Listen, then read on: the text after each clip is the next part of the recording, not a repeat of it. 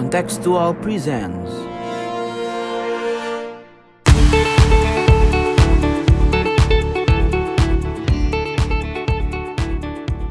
Selamat datang kembali di podcast kasual, katanya kontekstual.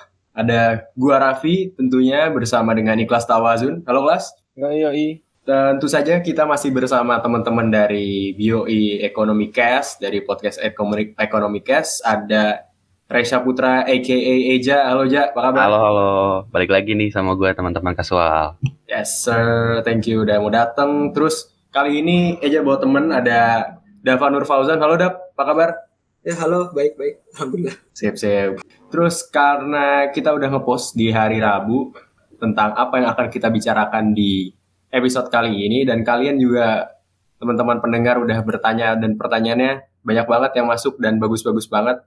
Sangat-sangat substansial. Nanti akan kita jawab satu-satu pertanyaannya. Kita akan membahas soal seperti namanya yang ada di posan transisi global menuju kendaraan listrik. Ini topik yang menarik ya, apalagi di era di mana lingkungan atau keberlangsungan lingkungan menjadi salah satu isu yang sangat penting. Tapi sebelum kita masuk ke topiknya, teman-teman yang suka su- isu-isu sosial politik boleh follow podcast ini, podcast kasual, terus boleh follow sosial media kita di @kontekstualcom dan visit website kita di kontekstual.com. Oke, eh, Tentu saja seperti biasa kita mulai dengan overview sedikit. Transisi global menuju kendaraan listrik. Pas boleh jelasin sedikit tentang sebenarnya topik apa yang akan kita bahas ini secara overview mungkin. Oke, jadi ya sebenarnya eh, judulnya says it all sih, transisi global menuju kendaraan listrik. Karena kan eh ya human eh manusia telah menggunakan kendaraan untuk waktu yang lama kan, terutama kendaraan modern lah, bukan eh, bukan kayak kuda atau eh, unta atau gitu-gitu. Kita udah menggunakan mesin gitu, terutama terkait mobil itu dari akhir abad ke eh, 19 dan semenjak awal abad ke-20 itu mobil udah benar-benar widely popular dan ya mobil teknologi yang kemudian sangat diminati pada saat itu adalah teknologi mobil, mobil yang berbasis eh, bahan bakar minyak itu atau fossil fuel. Nah, dan semenjak itu ada mesin combustion engine dan dengan perkem- eh, berbagai perkembangan sampai sekarang eh, mobil itu sahabat berselang gitu kan. Ya mobil itu tetap menjadi eh, kendaraan yang berbasis eh, bahan bakar fosil itu tetap menjadi eh, pilihan yang paling populer gitu baik di mobil, motor bahkan sampai ke apa namanya pesawat dan juga eh, kapal gitu. Karena kan yang kita tahu ya bahan bakar minyak itu olahannya bisa banyak ya bisa kalau di Indonesia bisa pertalite, bisa premium, bahkan sampai after tapi ya kayaknya eh, bahan bakar minyak itu menjadi bahan bakar yang cukup universal diminatinya oleh eh, berbagai kendaraan gitu. Nah, tapi kemudian di abad ke-21 terutama ya, bukan berarti paling pertama juga, itu kemudian eh, dengan concern yang semakin eh, tinggi terhadap climate change dan juga ya kekhawatiran kalau eh, nanti suatu saat misalnya ya bahan bakar minyak bakal habis dan juga ya mungkin beberapa negara merasa agak agak reliant gitu kalau eh, harus terus eh, berpaku pada bahan bakar minyak karena kan nggak semua negara memilikinya dengan eh, derajat yang sama kan. Ada banyak yang lebih memiliki itu dan ada yang enggak. Jadi ada yang diuntungkan dan yang kurang gitu. Oleh karena itu semakin populernya semenjak satu dekade ke belakang lah. Istilahnya itu dari kendaraan-kendaraan yang kemudian eh, berbahan bakar listrik. Ya bahan bakar jatuhnya tapi kini dia eh, berbasis elektrik gitu. Dan ini terutama yang terjadi di kendaraan-kendaraan pribadi ya di motor dan di mobil dan ini terjadi bukan kecil-kecilan lagi melainkan dalam skala besar gitu meskipun enggak dalam waktu yang sama eh, di seluruh dunia ada yang lebih cepat ada yang lebih lama dan Hmm. ini kemudian eh, ya transisi yang tidak mudah ini juga membawa bersama berbagai eh, tantangan yang menambah dari kompleksitas eh, transisi global menuju kendaraan listrik ini. Ya, ya, ya. Menarik, menarik, menarik. Nanti kita juga akan bahas tentang tantangan-tantangan tersebut ya dalam konteks hubungan internasional juga karena ada yang bertanya soal itu juga. Tapi gue mau tanya Eja dulu ya. Yo, yo. Kalau sekarang kan yang yang gue tahu ya sepengetahuan awam gue mobil listrik yang paling terkenal atau yang paling hype itu Tesla. Mhm. Betul, betul. Iya kan, iya kan. Nah, Betul banget tuh. lo bisa cerita nggak gimana kita bisa sampai di di fase ini gitu? Kenapa Oh. bisa ada Tesla di sekarang? Tesla itu mulai dari kapan dan apakah iya yang pertama? Oke oke, mungkin ya gue juga sebenarnya ya nggak nggak ahli-ahli banget lah ya pan- pandangan awam juga. Mungkin teman-teman kasual pendengarnya nanti juga correct me if I'm wrong kalau misalkan ada yang salah. Tapi sedikit banyak yang gue tahu uh, tadi juga seperti udah dibahas sama Ikhlas sedikit bahwa mobil listrik itu bukan pertama kali pada tahun 2000-an inilah atau awal akhir-akhir 1900-an. Tapi uh, ada di tahun 1800-an akhir di mana dulu sebelum adanya kendaraan berbahan bakar, bukan sebelum ada ya, sebelum kendaraan berbahan bakar bensin itu populer, kendaraan uh, bertenaga listrik itu udah populer dulu. Namun uh, karena keterbatasan kapasitas baterai ya, jadi kayak dulu tuh kendaraan itu cuman buat mungkin sekitar ya 20 km, 10 km yang mana juga pada saat itu ya tahun 1800-an kan perpindahan jarak juga nggak jarak jauh banget lah ya, masih uh, dekat-dekat lah gitu kalau dibandingkan dengan yang sekarang. Nah, kendaraan listrik itu dulu cukup populer saat itu. Cuman sempat turun di saat uh, mulai tumbuhnya uh, teknologi mengenai bahan bakar minyak nih dan pengeboran-pengeboran minyak bumi itu di dunia udah mulai jor-joran nih dari mana-mana udah mulai mulai apa ya mulai populer lah pada saat itu. Nah dengan dengan melihat adanya sebuah bahan bakar baru nih bukan bahan bakar baru ya bahan bakar yang melimpah lah pada saat itu yaitu minyak bumi dan gas bisa dibilang eh, terjadi eksploitasi nih pak. Eksploitasi terhadap bahan bakar ini dan dia diaplikasikannya ke kendaraan mobil.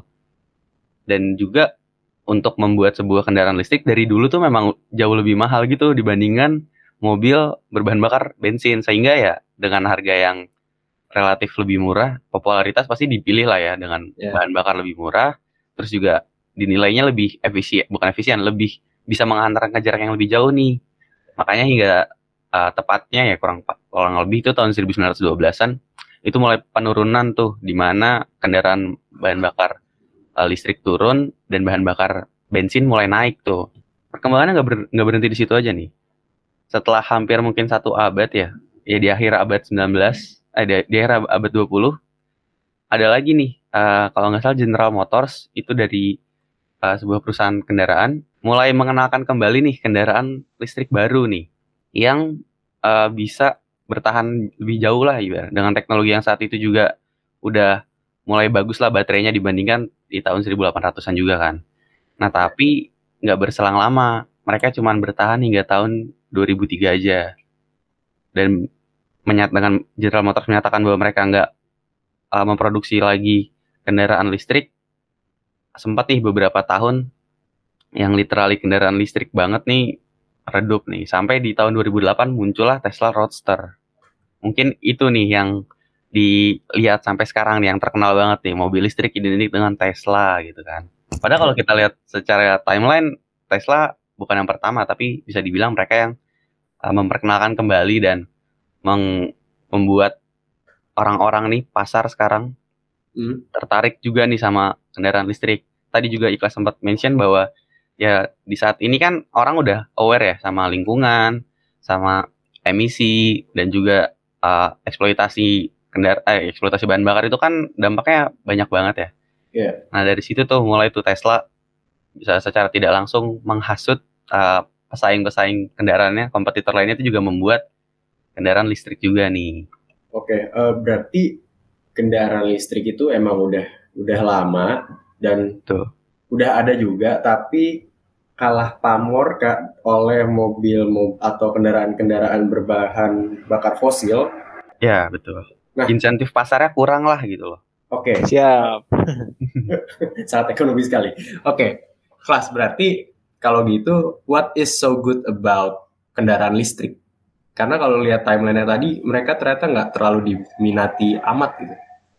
Ya, benar-benar sih. Jadi apa ya istilahnya ya kalau anak ekonomi kalau cuman berdiri di pasar apa namanya di ceteris paribus gitu lah, cuman kekuatan pasar bebas doang ya. Kayaknya orang bakal tetap eh, memilih apa namanya kendaraan berbahan bakar fosil berbahan bakar minyak tuh ya in the foreseeable future lah. Sampai abad 21 kayaknya menurut gue kita bakal masih tetap make eh, kenda- apa kendaraan berbahan bakar minyak gitu ya. Meskipun minyak masih ya, minyak kalian habis tapi kayaknya masih cukup banyak juga gitu. Dan so far masih tetap merupakan yang paling efektif gitu, paling efisien, bukan efektif secara harga dan secara jarak gitu kan. Karena gampang tinggal ya isi-isi lagi aja di setiap bensin yang ada. Nah, cuman ya ada faktor gitu, ada faktor yang bermain gitu kan di dunia ini. Uh, dunia kondisi yang nggak katalis paribus, Uh, dan ada dua faktor utama yang menurut gue yang yang penting itu yang pertama adalah faktor uh, eh ada tiga sih yang pertama adalah faktor perkembangan teknologinya juga uh, yang itu uh, banyak didorong baik oleh pihak swasta itu kan kayak Tesla. Dan juga pentingnya juga ada ketika ada investasi-investasi dari pemerintah gitu ter, ter, terhadap uh, perkembangan dari kendaraan-kendaraan listrik. Itu yang membuat kemudian teknologi dari kendaraan listrik itu berkembang. Dan uh, meskipun belum totally menyaingi menyaingi kendaraan uh, apa kendaraan bahan bakar fosil tapi udah udah on the way situlah dan sebenarnya kayaknya kalau di Indonesia aja gitu ya gue kan kadang-kadang suka iseng pernah iseng juga tuh ngeliat hitung-hitungan uh, motor waktu itu motor tuh di YouTube-nya otomotif atau di mana gitu. Pak uh, dengan kendaraan listrik tuh murah banget karena kan hitungannya ya kalau kita pakai listrik rumah satu kWh tuh eh satu kWh cuma berapa gitu? Cuman seribu atau dua ribu gitu. Dibandingkan dengan lo misalnya satu liter bensin yang uh, pertalite gitu kan tujuh ribu enam ratus lima puluh jadi sebenarnya dari sisi efisiensinya juga udah mulai dapat gitu. Dan itu salah satunya didukung karena perkembangan teknologi. Terus yang kedua uh, dari sisi demand ya demand dari masyarakat yang juga dipengaruhi sama ya concern-concern terhadap uh, apa climate change terus juga terhadap uh, persebaran sumber daya minyak bumi gitu dan lain sebagainya itu yang kemudian mendorong demand dari uh, masyarakat itu untuk tumbuh juga terhadap uh, kendaraan listrik selain emang karena dilihat sebagai teknologinya yang baru gitu dan apa namanya dan yang lebih keren gitu dibandingkan yang ada sekarang. Dan yang terakhir adalah faktor pemerintah gitu yang emang dari pemerintah sendiri mengintervensi juga atas motivasi climate change gitu kan salah satunya. Untuk ya kita coba transisi secara serius ke kendaraan kendaraan-kendaraan listrik ke mobil listrik, ke motor listrik bahkan yang lainnya juga kalau bisa kita listrikin ya kita listrikin aja semua gitu kan. Itu yang kemudian apa namanya uh, bisa uh, membuat adanya kepopuleran lagi dari kendaraan listrik sekarang. Hmm, oke okay, oke okay, oke okay, oke. Menarik ya, gue juga baru dapat data nih dari Eja karena Katanya dia dapat data sebagian besar mobil listrik itu mengonsumsi 10 kWh untuk jarak 80 sampai 100 km. Jadi kalau 100 km dan biaya yang dibutuhkan itu 16.500 dengan perhitungan 10 kWh dikali 1.650 per kWh itu jadinya jadi cuma 16.500 ya, Ja ya.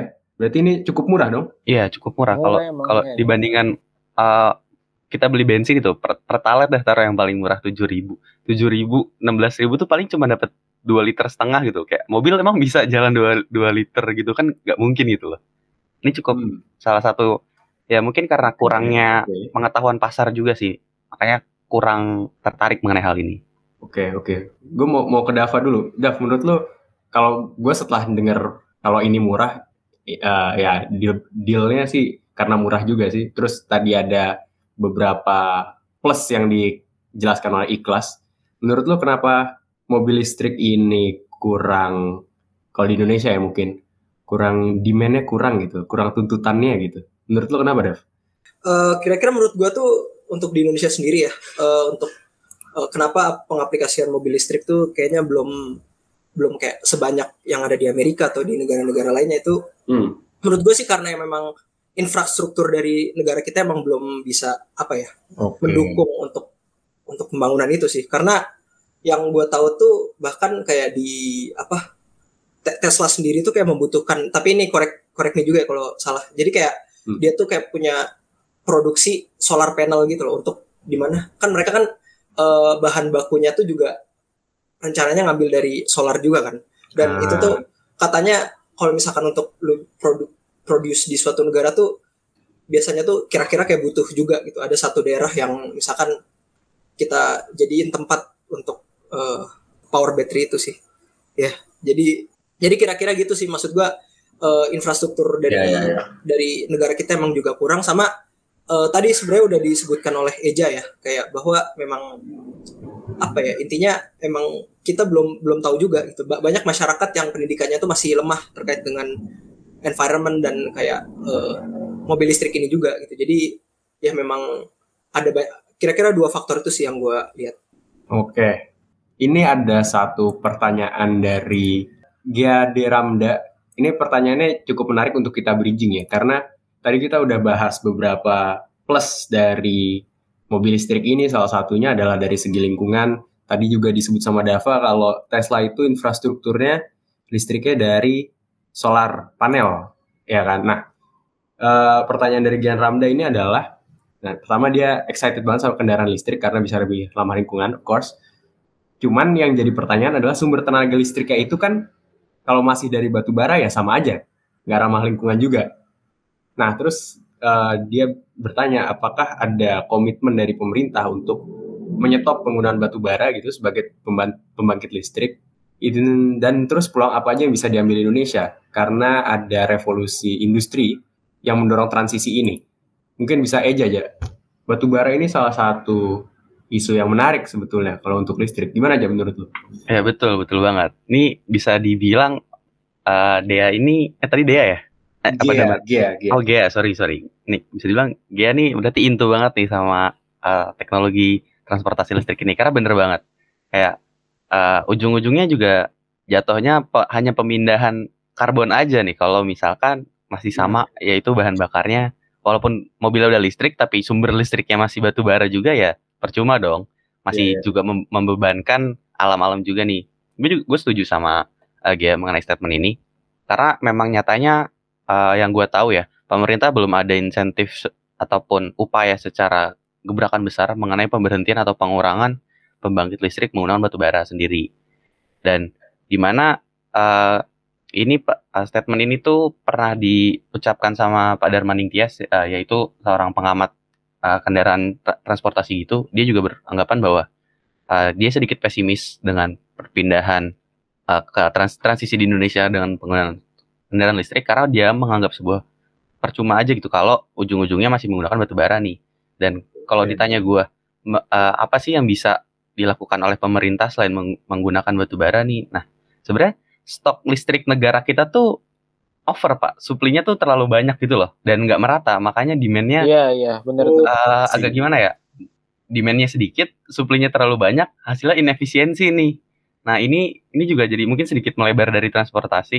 Ini perlu uh, diperhatikan juga nih oleh pemerintah mengenai per persebaran dari uh, supply listriknya ini dan mungkin dengan membangun infrastruktur uh, eh, kalau mobil SPBU eh, stasiun pengisian bahan bakar listrik SPBL itu bisa tuh jadi mengalokasikan listriknya yang suplainya kebanyakan ini jadi lebih teratasi lah. Dan mungkin ya memang namanya infrastruktur kan nggak bisa satu dua malam berubah ya.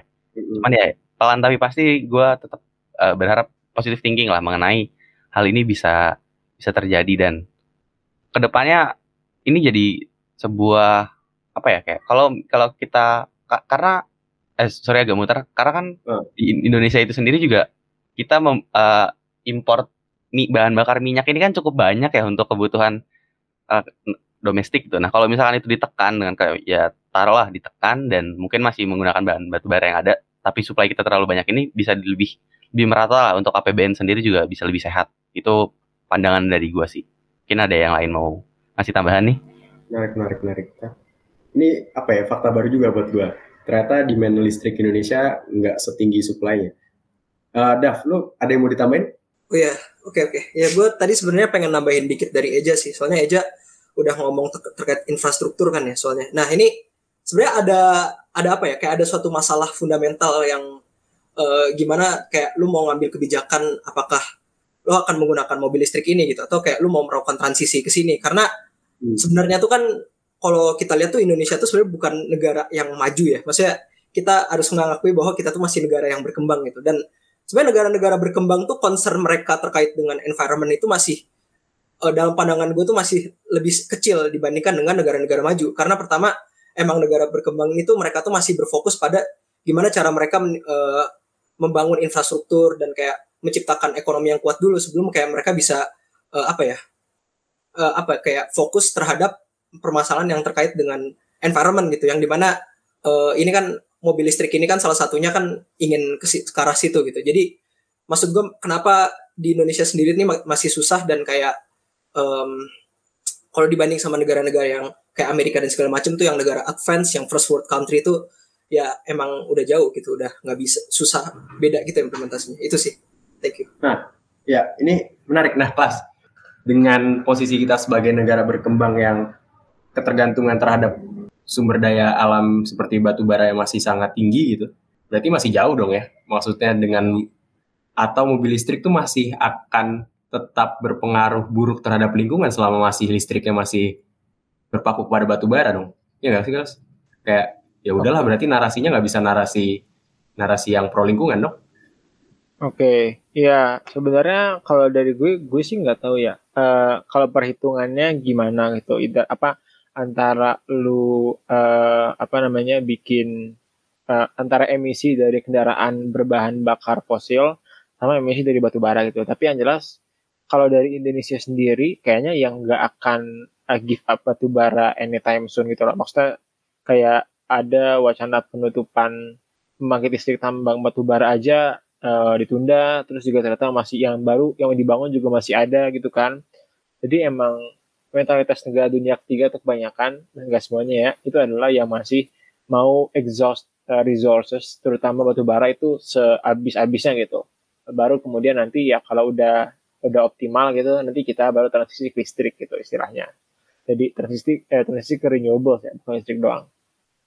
Tapi kayaknya sih uh, at least gitu paling enggak uh, dari dari emisi yang kemudian banyak dihilir ya. Kalau gue sih baginya dihilir kan sebagai kendaraan semuanya itu kayaknya secara kolektif itu lebih banyak gitu dibandingkan ketika emisi lo dari batu bara yang lebih terpusat gitu di uh, pembangkit listrik batu baranya aja. Dan kondisi sekarang kan bahkan Indonesia juga juga udah ini kan tadi udah surplus lah udah over dari supply-nya. Jadi harusnya uh, dengan ada transisi kendaraan listrik bisa ngebantu close the gap gitu antara supply dan demand dan juga ya tentu uh, sambil dibutuhkan transisi itu uh, ke energi yang lebih renewable meskipun dari pemerintah komitmen aja masih kurang gitu bahkan di undang-undang EBT RUU EBT gitu uh, kayak ada sebagai beberapa macam uh, batu bara kayak liquefied coal atau segala macam yang juga masih di apa namanya dijadikan dikategorikan sebagai energi baru dan terbarukan itu istilahnya. Itu sama kalau peluang apa yang bisa Indonesia dapat sebenarnya kalau mau nge-catch mobilnya juga kurang ini sih. Tapi ya kalau menurut gue kalau salah satunya sih Indonesia kan katanya banyak lithiumnya ya yang merupakan komponen uh, yang penting dari baterai. Jadi itu kayak bisa juga diutilisasi sih oleh pemerintah dan pemerintah emang sudah seharusnya melakukan lebih banyak itu dalam mendukung transisi menuju kendaraan listrik ini. Hmm, oke okay, oke. Okay. Lithium ya. Satu-satunya hal yang gue tahu tentang lithium itu lagu Nirvana. Ja, lu mau, tadi mau nambahin apa aja? Iya nih, gue mau sedikit self correcting habis tadi juga dengerin ikhlas uh, ngomongin EBT dan PLTU uh, eh, tenaga gas batubara nih. Hmm. Setelah gue tadi sedikit uh, baca-baca juga nih, ternyata bener nih kalau uh, eh, bukan bener ya maksudnya ternyata udah ada wacana nih masih masih hmm. dalam bentuk wacana gue nggak tahu udah di teken kontrak atau uh, undang-undang tapi direncanakan 2025 nih nanti uh, PLN itu mau mulai memensiunkan nih uh, PLTU-nya yang menggunakan batu bara dan mau diubah nih menjadi menggunakan energi baru terbarukan. Nah tapi bener juga kayak tadi yang disampaikan sama Ikhlas kayak kalau kita cuman berpikiran bahwa uh, batu baranya di stop sampai total kayaknya nggak bisa nih dan mungkin uh, hal positif apa yang bisa dimaksimalkan dengan kondisi SDM eh sumber daya alam di Indonesia tuh ya tadi tuh baterai lithium. Gue juga sempat dengar deh kalau nggak salah Tesla tuh mau buat pabrik di Indonesia yeah. mengenai baterai tuh. Itu ya, awal itu nasibnya gimana tuh? Itu gue nggak tahu nasib awal, cuman itu sempat jadi bahan uh, kalau orang saham ngomongnya ya jadi bahan pom-poman doang tuh buat uh, naikin an, uh, sahamnya Antam tuh Pak. Soalnya bener-bener sahamnya Antam naik. Oh iya Jadi, iya iya. Sedikit sedikit intermezzo aja nih ya. Tapi sampai sekarang belum ada lagi nih kelanjutan mengenai iya, iya. Uh, Tesla dan kerjasamanya di Indonesia nih. Oke oke oke oke. Menarik menarik menarik. Tapi moving on ya karena masih ada pertanyaan yang menarik lainnya kita akan bicara tantangan juga sebagai kita juga negara berkembang dan uh, ngomongin transisi teknologi ini kan berarti ada harganya ya. Ada pertanyaan dari Pramudikto dari Instagram. Dia nanya gimana caranya agar kendaraan listrik ini dapat terjangkau oleh masyarakat kelas menengah ke bawah dan kira-kira butuh berapa ribu GW itu gigawatt ya yang harus dibangkitkan untuk memenuhi kebutuhan listrik tersebut. Mungkin kelas bisa jawab soal ini kelas? Tadi kayaknya Oke, okay, iya. Mobil listrik murah ya? Iya. Bensinnya, bensinnya murah. Bensinnya murah, tapi oh. kalau secara harga itu masih mahal, baik baik mobil maupun motor ya. Uh, hmm. harganya masih mahal, tapi itu juga merupakan hal yang wajar sih karena masih di awal-awal, meskipun nggak terlalu awal banget sih, udah cukup berkembang. Cuman emang yang jadi uh, problem juga adalah ketika belum banyak yang menargetkan mobil listrik ini untuk konsumsi uh, secara luas gitu. Kebanyakan kan di mobil ya Tesla atau merek-merek lain di barat hmm. juga udah banyak lah yang yang bikin kayak Audi, Porsche segala macam. Tapi kan itu masih yang harganya ya bahkan nyentuh 1 M gitu loh atau ratusan lah di atas 500 juta gitu. Yang itu nggak bisa diakses sama masyarakat secara luas. Nggak kayak mobil okay. mobil mobil uh, bensin yang emang dipakai secara luas ya kayak ya Avanza ya apa uh, Xenia segala macam gitu yang LCGC lah istilahnya gitu.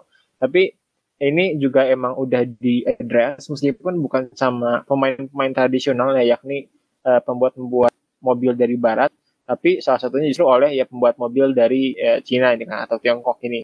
Yang teman-teman udah tahu yang mungkin banyak yang kalau di Indonesia baru dikit sih, baru Wuling, terus ada lagi namanya DFSK gitu kalau nggak salah. Tapi ya Wuling ini kayak hmm. salah satunya jadi uh, pionir gitu dari mobil listrik murah.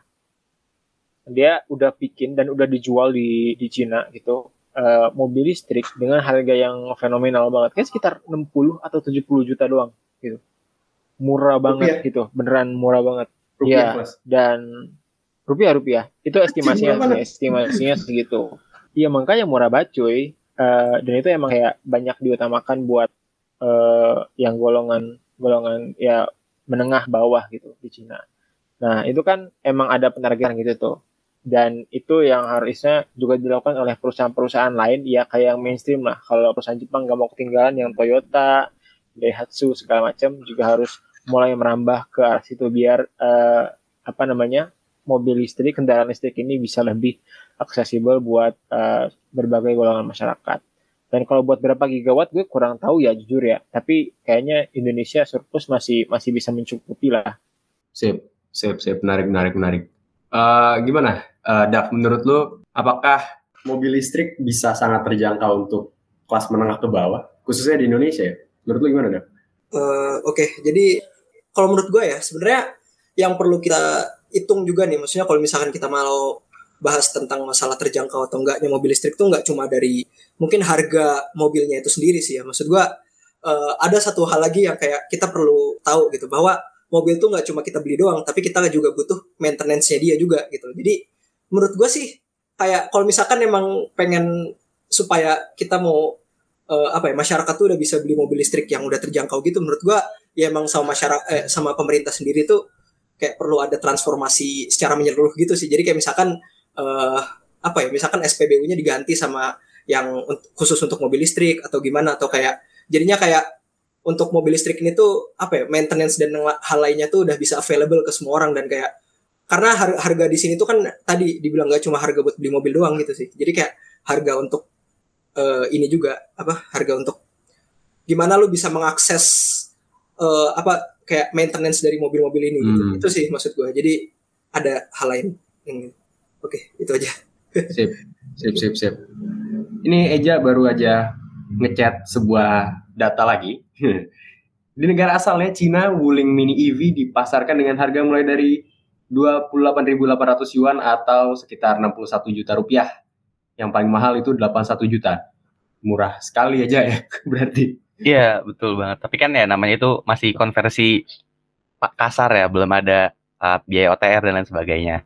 Oh ya, sedikit nyenggol juga nih tadi uh, mengenai hmm. dapat biaya maintenance. Nah, ini mungkin buat teman-teman ya pasti tahu lah kalau mobil itu ada oli nih. Nah, di mobil listrik ini kita nggak perlu ganti oli nih. Mungkin kalau dibilang-bilang ya banyak hal suku cadang suku cadang yang ada di kendaraan mobil listrik ini eh, nggak uh, ada nih eh sorry kebalik di mobil konvensional nih nggak ada di mobil listrik. Jadi biaya perawatannya tuh bisa dibilang Hmm. juga lebih murah. Tapi ya mungkin emang uh, constraint utamanya adalah dengan startup cost atau biaya awal pembelian mobil listrik ini yang bisa dibilang jauh lebih mahal dibandingkan dengan mobil konvensional. Dan Nah, ini benar. juga mobil 6181 juta ini ukurannya ya mobil super kecil sih kalau setelah Kecil gue lihat. banget. Ini Kecil mini. banget memang. kayak Karimun gitu ya. Uh, iya, se Kalau- se Karimun kecilan lagi kayaknya bahkan. Lebih kecil lah. Buset. Nam- Has. Iya, lebih kecil dari Karimun. namanya Pak. Hogwang kalau teman-teman mau nyari. I see, I see, I see. Tapi eh, pertanyaan sedikit selewat aja. Itu tuh mobil listrik tuh ngecasnya beneran kayak ngecas HP gitu. Nyolok terus colok, udah gitu. Uh, nah, ini Colok, ini masa uh, gua nambahin ya. Kali aja gitu. Maksudnya kan kali aja beda gitu apa kayak mobil listrik ngecasnya nggak kayak HP atau gimana kan mobil. Iya, kalau kalau ngomong secara kasar kayak apa sih Pak? Cuman ada adaptor, colok ke listrik rumah, colok ke mobil gitu. Listrik gitu aja. rumah gitu. Nggak Iya, nggak jebol. Token Nah, listrik itu- jebol ya. Tadi kan kalau kalau kita ngelihat biaya per KWH-nya nggak bisa dibilang nggak jebol sih Pak, karena yang diperlukan Iya. juga nggak separah itu gitu loh. I see, I see, I see, I see. Oke, oke, oke. Menarik, menarik. gue pengen take a helicopter view dulu ke hubungannya dengan HI ya. Ini ada karena ada pertanyaan dari at Bonsdipo 2. Dia tuh nanya kalau misalnya eh, tenaga listrik itu digunakan terhadap transportasi di masa depan. Lalu apakah harga minyak itu akan terjun bebas apalagi pemasok minyak seperti Arab Saudi dan negara-negara Timur Tengah atau mungkin termasuk Rusia gitu ya mungkin Rusia dan lain-lain itu akan melalui kesulitan untuk menjual sumber daya utama mereka gitu dan ada pertanyaan tambahan juga dari dia katanya apakah bakal ngaruh juga ke harga sawit apalagi sawit kan salah satu eh, komoditas Indonesia yang paling besar ya mungkin bisa dijawab Plas nasib negara-negara Oke. petro Negara-negara OPEC lah ya. Ya, Nah. Kalau kalau berpengaruh ke harga minyak sih harusnya log- secara logis kayaknya harusnya ngaruh ya. Eh apa namanya? Ya karena demand-nya turun sementara produksi mereka kan ya tetap segitu-segitu aja gitu. Maksud gue ya lu bisa bilang minyak akan habis dalam berapa tahun ke depan tapi kenyataannya minyak masih banyak dan kayak ya masih sering ditemukan sumber-sumber minyak baru juga. Cuman ya kemudian yang makin hilang sekarang kalau emang eh, transisi ke kendaraan listrik ini terjadi secara massal adalah ya kemudian nggak ada demand nah gitu loh, demand yang tinggi terhadap eh, Hmm. bensin itu kemudian nggak ada terhadap minyak eh, terhadap minyak dan gas lah bahkan gitu. Jadi kalau bayangan gue harusnya iya sih turun eh, turun secara eh, lumayan turun tapi gue nggak tahu apakah turun akan sangat drastis atau gimana. Karena balik juga ke yang tadi kayak ya mostly masih terjadi transisi itu ya di negara-negara maju ya atau di sebagian negara berkembang juga gitu lah. Tapi kalau misalnya kita tengok negara-negara di ya Afrika gitulah dan negara-negara di eh, yang lain yang lebih kemudian eh, sulit untuk bertransisi ke sini ya kayaknya bakal tetap mengutamain dan yang kayak mayoritas negara berkembang tadi dioptimalin dulu gitu dari dari eh, sumber dayanya buat habis dipakai dan kemudian eh, ya optimal gitu deh istilahnya. Dan kayaknya ya negara-negara OPEC juga pintar lah. Mungkin kalau eh, apa namanya harganya turun, mereka produksinya diturunin juga biar harga tetap tetap stabil gitu atau semacamnya. Dan kalau kaitannya sama minyak sawit kayaknya enggak, Hmm. gue nggak yakin ada kaitan yang signifikan ya, karena ya kan minyak sawit nggak dipakai langsung di bensin kecuali kayak yang di biofuel gitu dan kayaknya nggak nggak signifikan. Oke, tapi kalau kita ngebayangin masa depan ya, tadi kan ngomongin masa depan, di mana bahan bakar fosil mungkin semakin lama akan semakin tidak dipakai gitu idealnya. Gue mau nyerempet politik dikit aja, berarti kan negara Timur Tengah nggak bakal punya bargaining mereka yang terbesar gitu, minyak sebagai bargaining mereka.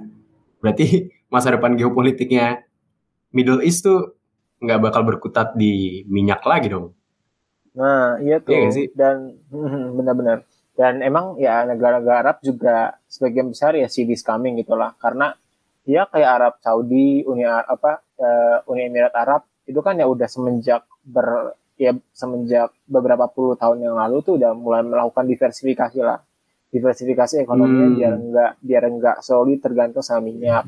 Dia ningkatin industri turisme, dia jadiin ya kota-kota yang pusat bisnis itu kan Dubai, Abu Dhabi segala macam Eh, klub ya, bola, jadi- bola ya, beli klub bola. Ya ke bola, eh banyak lah investasinya di mana-mana lah. Portofolionya banyak lah sekarang itu istilahnya. Oke. Dan dan apa namanya?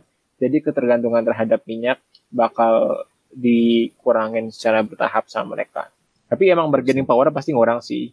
I see. Dan I see. itu juga itu juga yang dipengenin sama banyak negara kan. Karena kalau kita kayak krisis kayak krisis di Amerika Serikat kan pernah krisis di krisis minyak berapa kali ya gara-gara Hmm. OPEC yang ngatur minyaknya gitu loh. Jadinya ya banyak yang nggak suka ketergantungan minyak terhadap beberapa negara. Gitu.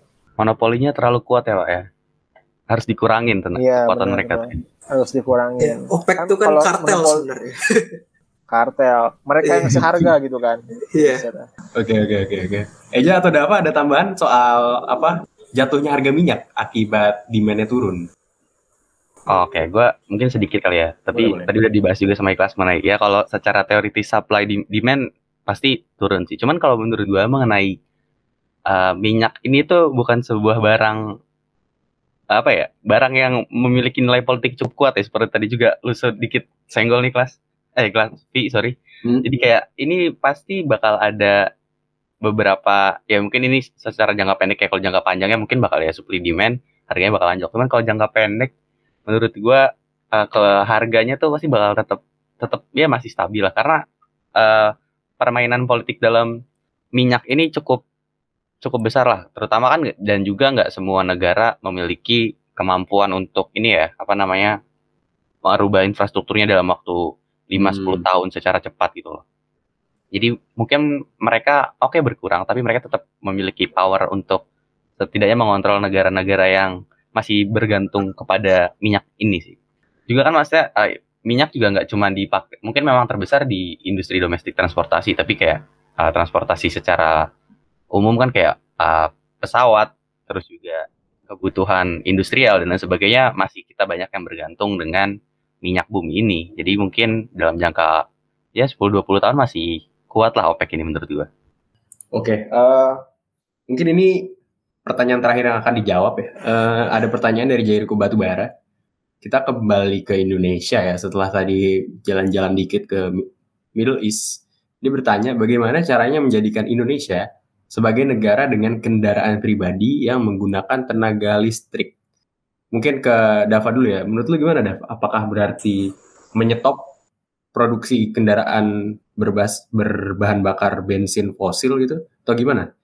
Ini sebenarnya tadi sempat gue bahas ya di jawaban sebelumnya. Jadi kayak menurut gue untuk kayak transisi kayak gini tuh bakalan nggak sebentar sih. Jadi kayak menurut gue pertama pemerintah tuh perlu menyiapkan infrastrukturnya dulu gitu. Misalkan kayak mereka melalui apa ya? Misalkan penghasil minyak bumi, misalkan apa ya kayak Pertamina atau perusahaan yang lain gitu yang terkait dengan eh, produksi dari eh, eh, apa tenaga apa kendaraan listrik ini itu mereka perlu kayak ngelakuin apa ya hubungan gitu loh kayak nih kita mau bikin sebuah infrastruktur di mana kayak kita mau melakukan transisi orang-orang tuh udah pakai kendaraan listrik lagi gitu udah eh kendaraan listrik bukan pakai kendaraan yang berbasis minyak seperti yang kita pakai sekarang gitu jadi kayak pertama menurut gue infrastrukturnya kita ini dulu kita persiapkan dulu gitu untuk eh, transisi itu. Terus eh, yang kedua baru gitu. Baru eh, pemerintah bisa kayak ngelakuin kontak terhadap mungkin perusahaan-perusahaan mobil yang apa yang bergerak yang memproduksi di bidang apa kendaraan listrik itu untuk mulai nyetok di Indonesia. Dan itu tuh nanti tuh akhirnya tuh karena kayak ketika lo mau memproduksi mob- mobil atau kendaraan di sini tuh lo nggak bisa kayak seenaknya cuma kayak nyetok. Oh ya kita akan persiapin berapa barangnya di sini tapi juga kita harus mempersiapkan kayak lingkungannya juga gitu. Kita harus mempersiapkan infrastrukturnya juga apakah dia udah eh, cukup atau udah apa. Jadi kayak kita mungkin dealer-dealer selanjutnya tuh bukan kayak masalah dealer yang biasa gitu. Mungkin dealernya tuh khusus buat nanti mobil-mobil listrik gitu. Ntar boleh diadain Hmm. gitu di Jakarta atau di mana gitu. Udah mulai banyak. Nah itu persiapan persiapan kayak gitu tuh maksud gua emang cukup penting lah intinya. Jadi kayak emang perlu banyak sih kayak kira-kira langkah-langkah yang perlu dipersiapin pemerintah untuk transisi supaya orang punya kendaraan pribadi ke listrik ini dan kira-kira gue sebenarnya nggak bisa ngejadwalin ya kayak misalkan ini perlu berapa tahun atau berapa tapi kayak kayaknya Iya. cukup lama sih menurut gua bakal lama untuk prosesnya gitu Oke, itu dari gua oke, oke, oke. Gua mau kayak aja mau nanya pendapat lu ya. Tapi mau nambah juga pertanyaannya kayak gini. Kalau misalnya transisi gitu ya, transisi ke kendaraan bertenaga listrik gitu. Terus yang kendaraan yang berbasis bensin tuh dikemanain?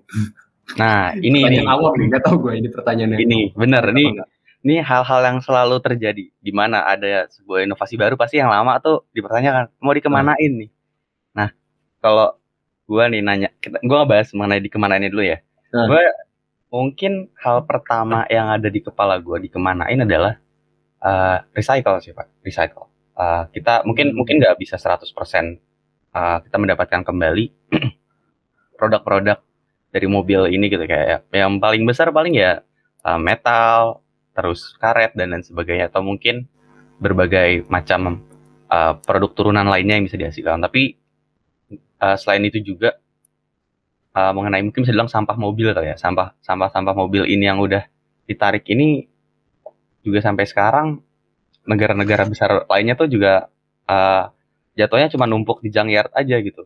Nah, jadi jadi bentuk sampah baru gitu yang perlu juga nanti untuk oh, ini jadi apa ya mungkin peran pemerintah ya yang bisa memperhatikan lebih lanjutnya atau mungkin ada juga nih yang lain mengenai hal ini bisa ngejawab. Mungkin teman-teman dari pendengar kasual juga bisa banget kan komen mengenai hal ini. Oke terus kalau balik mengenai Indonesia gimana sih? Mungkin gue sedikit uh, membandingkan kali ya. Yang gue tahu nih mengenai uh, kebijakan yang ada di dua negara besar yang udah menggunakan electric vehicle atau EV ini itu di Cina dan Amerika. Nah, yang membuat Amerika itu banyak menggunakan kendaraan listrik ini adalah mereka tuh udah dari tahun 2009 lalu tuh akhir tahun 2009 mereka tuh udah punya kebijakan yang ngasih insentif uh, berupa peringanan kredit pajak dan pembebasan pajak gitu kepada uh, para pembeli yang meng- yang membeli apa ya membeli kendaraan listrik ini gitu kayak pajak motor tahunan mobil tahunannya ini uh, diberi keringanan lah gitu dan lain sebagainya. Nah, terus yang lebih agresif lagi nih, nih di Cina nih pak. Di Cina ini uh, mereka tuh pembebasan pajak pembelian pak dari tahun 2014 hingga 2017 dan yang uh, paling baru itu udah diupdate ternyata uh, sampai 2020 ini itu warganya yang membeli EV atau electric vehicle ini dibebasin dari pajak pembeliannya itu uh, salah satu bentuk uh, yang kebijakan agresif sih menurut gua karena membebaskan sama sekali kayak pendapatan negara gitu dipotong habisan dari pajak kendaraan ini kan cukup besar juga. Ya. Terus selain itu uh, mereka juga ngasih uh, subsidi nih ke depannya rencananya setelah 2020 ini setiap 2 sampai 3 tahun lagi itu akan di di ituin lah disesuaikan subsidi dan ambang batas kelayakan mengenai uh, seberapa besar subsidi yang akan diberikan terhadap kendaraan elektrik ini nih. Nah, mungkin Indonesia bisa juga nih diberlakukan hal seperti itu. Kebijakan kreditnya ini nih kayak mungkin bank-bank ataupun eh, pajak tahunan dan lain sebagainya bisa mendorong masyarakat untuk membeli kendaraan listrik ini selain tadi infrastruktur yang sudah memadai. Toh kalau misalkan infrastrukturnya ada tapi harganya masih terlalu tinggi dan eh, maintenance cost-nya tinggi nih, as in maintenance tuh pajak dan sebagainya masih tinggi kan orang juga berpikir dua kali ya hmm. kan kita udah punya harga yang oke lah taruh harganya bisa mirip nih sama mobil konvensional infrastruktur udah ada ditambah dengan biaya perawatan murah satu lagi dengan biaya pajak dan lain sebagainya juga diberikan keringanan orang-orang pasti akan uh, memiliki keinginan lah untuk berpindah dari kendaraan konvensionalnya menjadi kendaraan elektroniknya ini itu sih yang gue lihat a- a- apa yang bisa mendorong untuk berubah ke kendaraan listrik ini Oke, tadi menarik penjelasannya Iya. Eja. Cuman selain buat jawab pertanyaan tadi, gue mau nambahin juga pertanyaan buat lu. Apakah kalau mau bicara lingkungan, apakah solusinya adalah transisi mobil bensin ke mobil listrik, atau justru jangan berpikir kendaraan pribadi sentris gitu, jadi lebih eh, investnya di kendaraan umum atau memperbaiki trotoar agar orang lebih gampang commute-nya. Menurut lu gimana, kelas? Oh iya iya. Menur- Menurut gue goes both ways sih. Jadi Hmm. kayak apa namanya kendaraan pribadi sama kendaraan umum juga. eh pun kendaraan umum kan kayak penting, cuman kayak relatif tersendiri juga kayak di kota-kota besar gitu segala macam. Dan infrastruktur kita juga kayak didesainnya gimana.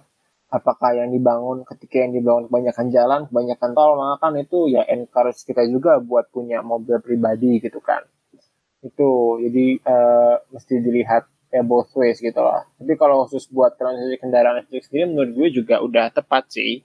Uh, meskipun kita harus perhatikan juga perihal ya sumber listriknya juga apakah masih predominantly dari batu bara tapi tetap better than nothing kalau menurut gue daripada kita tetap uh, di status quo sekarang. Ya, dan kita kan bicaranya dalam konteks pemerintah.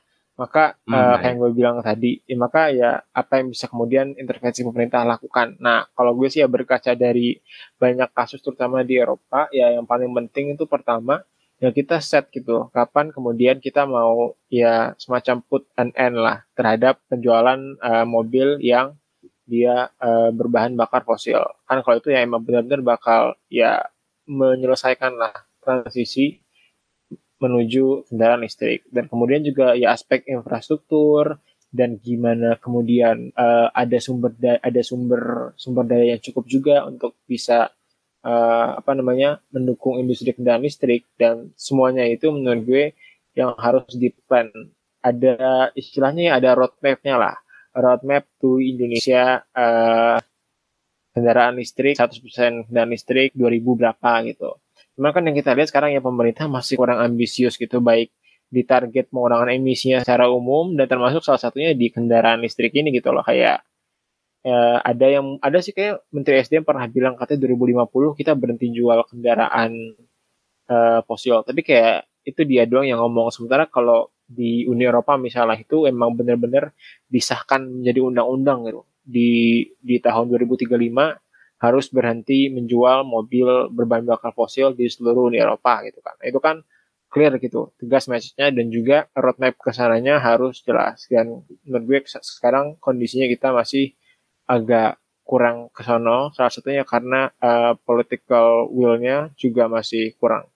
Oke, kayaknya segitu aja uh, episode podcast Kasual Kata Kontekstual featuring Ekonomi Cash kali ini. Ini adalah episode terakhir kita bersama Ekonomi Cash. Thank you Eja dan Dava udah Yogi. mau join ke thank you banget. Kita.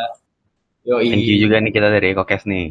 Yo, semoga teman-teman pendengar juga dapat perspektif baru yang perspektif yang gak hai-hai amat dengan diskusi dua diskusi kita di dua episode terakhir.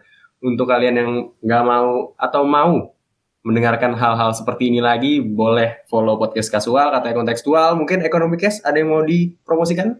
Iya boleh banget nih buat teman-teman kasual juga EcoCaster nih tadi juga udah denger kan ngedenger uh, link ataupun podcastnya dari kasual untuk teman-teman dari kasual nih bisa juga didengar di BO Economy Cast uh, yang ada di Spotify dan sosmed kita sebenarnya cuma ada di satu Instagram aja di BO Ekonomika.